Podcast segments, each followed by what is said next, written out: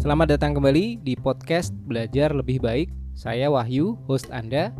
Di episode kali ini saya pengen cerita sedikit tentang masa lalu, nostalgia ya. Jadi dulu saya bekerja di sebuah perusahaan otomotif, nggak perlu saya sebut namanya, selama hampir kira-kira 20 tahun. Karir lumayan lah, take home pay juga oke, cuman akhirnya saya memutuskan untuk resign karena satu dan lain hal di awal tahun 2020. Tapi podcast kali ini saya nggak akan membahas suka dukanya waktu kerja atau mengenai pengalaman resign, bukan ya. Saya akan cerita mengenai sebuah training yang sempat saya dapat waktu itu sekitar tahun 2019. Training itu hal yang asik, jadi bayangin, nggak perlu ngurus kerjaan kantor selama beberapa hari. Kemudian juga full dibayarin kantor, makan siang, snack, kopi, terjamin gitu ya. Dan yang paling penting, waktu itu trainingnya yang ngisi tuh nggak main-main lembaga multinasional yang kantornya ada di beberapa negara.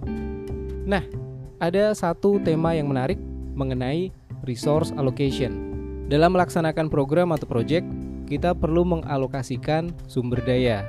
Bentuknya macam-macam, bisa tenaga, waktu, pikiran, dana, manpower, dan sebagainya. Kalau nggak salah, tema ini dulu dibawain sekitar 2 jam, tapi kalau mau diringkas jadi satu podcast pendek, ada satu insight-nya, yaitu bahwa kita mau nggak mau akan ketemu dengan trade-off dari tiga hal, yaitu waktu, biaya, kualitas. Atau dalam bahasa manajemen adalah time, cost, quality, trade-off. Kalau bahasa saya sekarang simpelnya gini, kita bisa pilih dua dari tiga, cepat, murah, atau bagus. Seringkali ekspektasi kita maunya dapat semua-muanya, ya cepat, ya murah, dan bagus. Iya Pak ya. Tapi di lapangan kenyataannya beda. Misal, pekerjaan untuk member Anda di kantor. Untuk sebuah pekerjaan besar, kalau cuma dialokasikan satu orang dan Anda minta hasil yang bagus, ya jadinya lama. Atau mungkin perbaikan kendaraan. Kalau montirnya diminta buru-buru selesai, bisa-bisa nanti terakhir masih ada sisa bau tuh. Lupa naruhnya di mana. Termasuk juga belanja. Maunya juga gitu semua orang cepet, murah, bagus. Tapi akhirnya nggak bisa dapat semuanya. Pernah nggak, misal nyari barang di marketplace, ketemu yang murah, tapi ternyata prosesnya lambat, atau mungkin packingnya salah-salah. Atau misal belanja ke mall, nimbang ini itu ke toko sebelah diurutin semua, akhirnya dapat yang harganya dan kualitasnya cocok. Tapi itu setelah habis waktu keliling-keliling. Jadi biasanya memang cuma bisa pilih dua.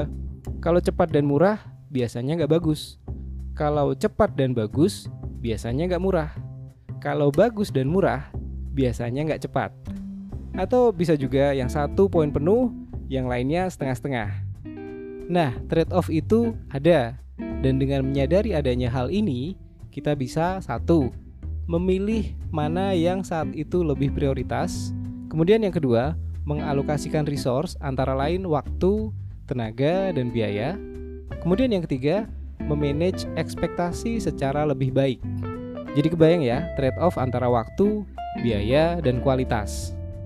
Oke, itu saja dulu. Semoga bermanfaat. Stay safe, stay healthy, tetap semangat. Sampai ketemu di episode berikutnya. Bye.